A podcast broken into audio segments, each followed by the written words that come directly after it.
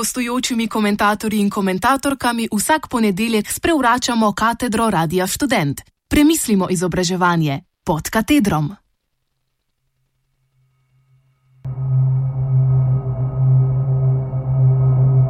Ameritokracija.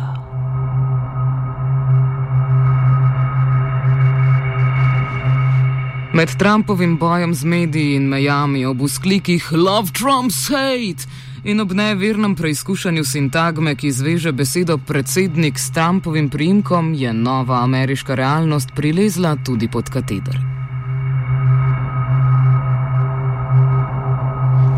Betsy Devos, nova ministrica za izobraževanje, je postala sinonim za vse, kar bi lahko šlo v izobraževanju narobe.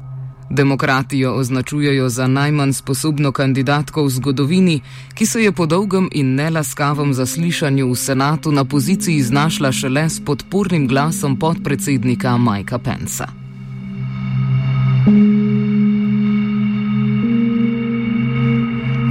Republikanci jo po drugi strani zadovoljno imenujejo za reformatorko, ki naj bi zavrženo šolstvo ne na zadnje potegnila iz odvratne mlakuže imenovane status quo.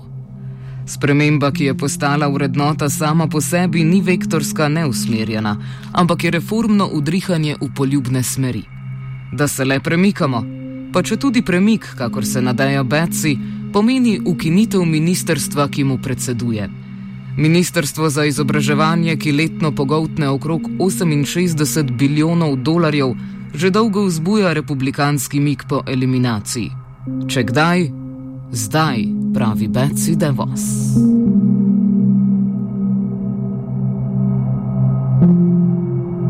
Tudi sicer je nenavadna gospa. Hči in žena milijarderja, katere sorodniki do tretjega kolena niso nikdar videli javne šole, zvesta zagovornica proste izbire šole in voucherskega sistema. Ko je bilo govora o brezplačnem študiju, je Brnil Sandersu povedala, da je to sicer zanimiva ideja, obenem pa ga podočila: Nothing in life is really free. Razen izbire šole za otroke, seveda. Trumpovi kampanji je podarila 5,9 milijonov dolarjev, pa tudi sicer je njena družina znana po radodarnosti do republikanske stranke.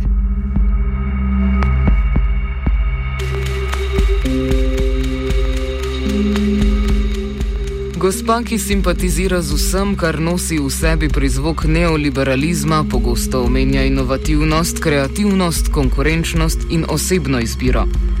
Njeni tviti pravijo, da si učitelji zaslužijo hashtag fleksibilnost.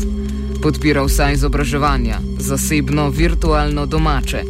Predvsem pa se ji zdi, da se mora izobraževanje graditi po božji podobi.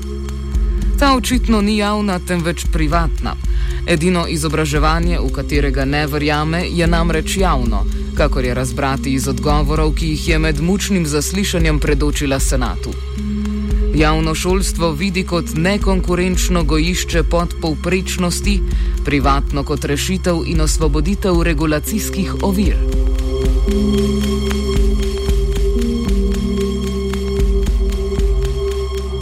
Za medije je večkrat povedala, da privatno šolstvo pomaga pri gradnji Božjega kraljestva. Leta 2001 je celo potožila, da javne šole izrivajo crkv iz središča skupnostnega življenja. To je tudi ena izmed njenih redkih podanih izjav, ki je točna, vendar debato pomika na temačno polje vprašanja sekularnosti. Njeni odgovori, včasih kontroverzni, včasih pa samo medli in nesigurni, na trhle noge postavljajo javno šolstvo, pa tudi šolstvo nasploh. O učencih s posebnimi potrebami je izrazila prepričanje, da je njihova obravnava v pristojnosti posameznih zvezdnih držav. Senatorka Maggie Hessen jo je opozorila, da govori o področju, ki sodi v federalno zakonodajo o civilnih pravicah. Malo sem se zmedla, je povedala Betsy.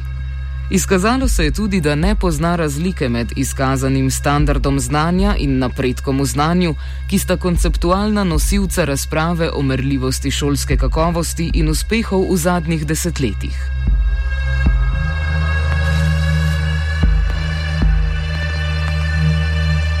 Na zadnje je nova ministrica tudi prav hrabro zagovarjala pravico do nošenja orožja na šolskem območju. Zaradi grizljev, ki naj bi prežali na učence v Wyomingu, seveda. Njeni odgovori niso bili poučni, razen kolikor so lahko razumljeni kot ogledalo nove administracije.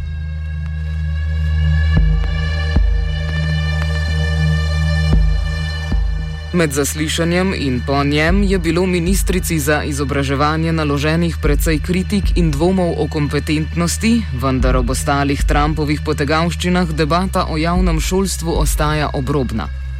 Še najbolj vroča polemika se je razvila ob ponovnem poskusu toaletne diskriminacije transspolnih ameriških učencev.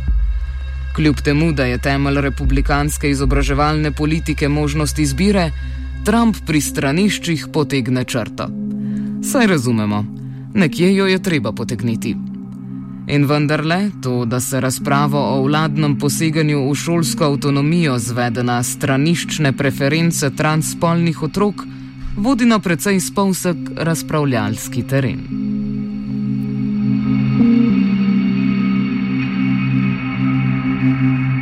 Ko američane povprašaš o ministrici Devos, posili podajo kakšno splošno sodbo o Trumpu. Dead bastard. Ali pa zagodrnjajo kakšno bolj ali manj naklonjeno pripombo o privatizaciji šolstva. Dekani in sindikati vmes pišejo zaskrbljena pisma o dezintegraciji javnega šolstva.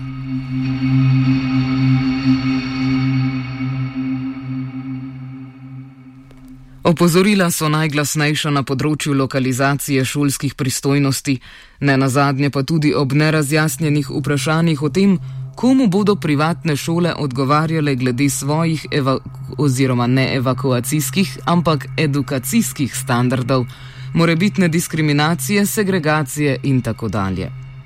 Betsy DeVos poudarja, da je v ameriški zgodovini obstajal čas, ko je vladni vpliv pomagal pri preseganju rasne in spolne segregacije, vendar temu ni več tako. Kljub poročilom o rastoči rasni segregaciji učencev v manj kvalitetnih javnih šolah, ministrica za šolstvo meni, da so to vprašanja, ki jih je ameriška družba presegla in zabetonirala v svoje liberalno družbeno tkivo. Drzna misel v družbi, ki beleži le dobrih 50 let, odkar je trmoglavi George Wallace trem temnopoltim učencem preprečil vstop v belsko šolo.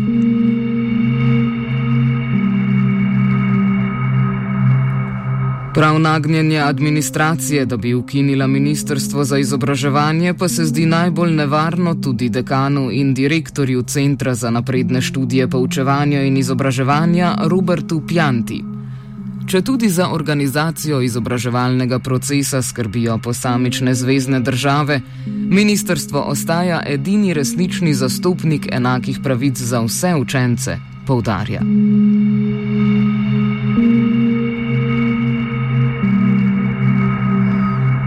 Kakorkoli, prejšnji teden je tudi Betsy DeVos obtičala pred vrati javne šole v Washingtonu, ki jih je blokirala majhna skupina protestnikov.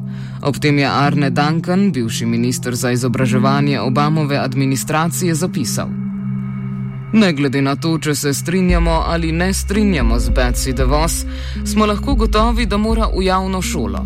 Prosim, spustite jo vanjo.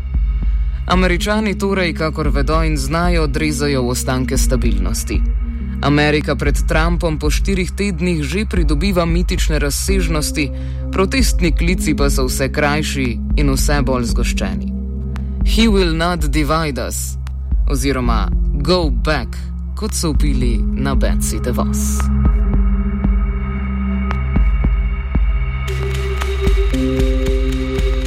O tem, kako in v kakšnem obsegu bo nova administracija pohabila ali oplemenitila ameriško šolstvo, je mogoče le špekulirati.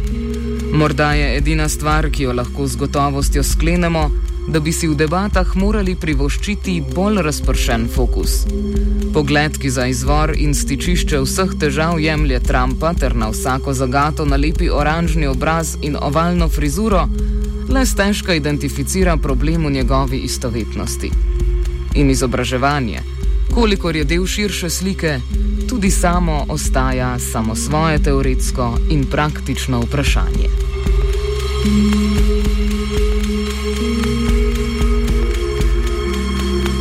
Tek za devos Lucija Klun.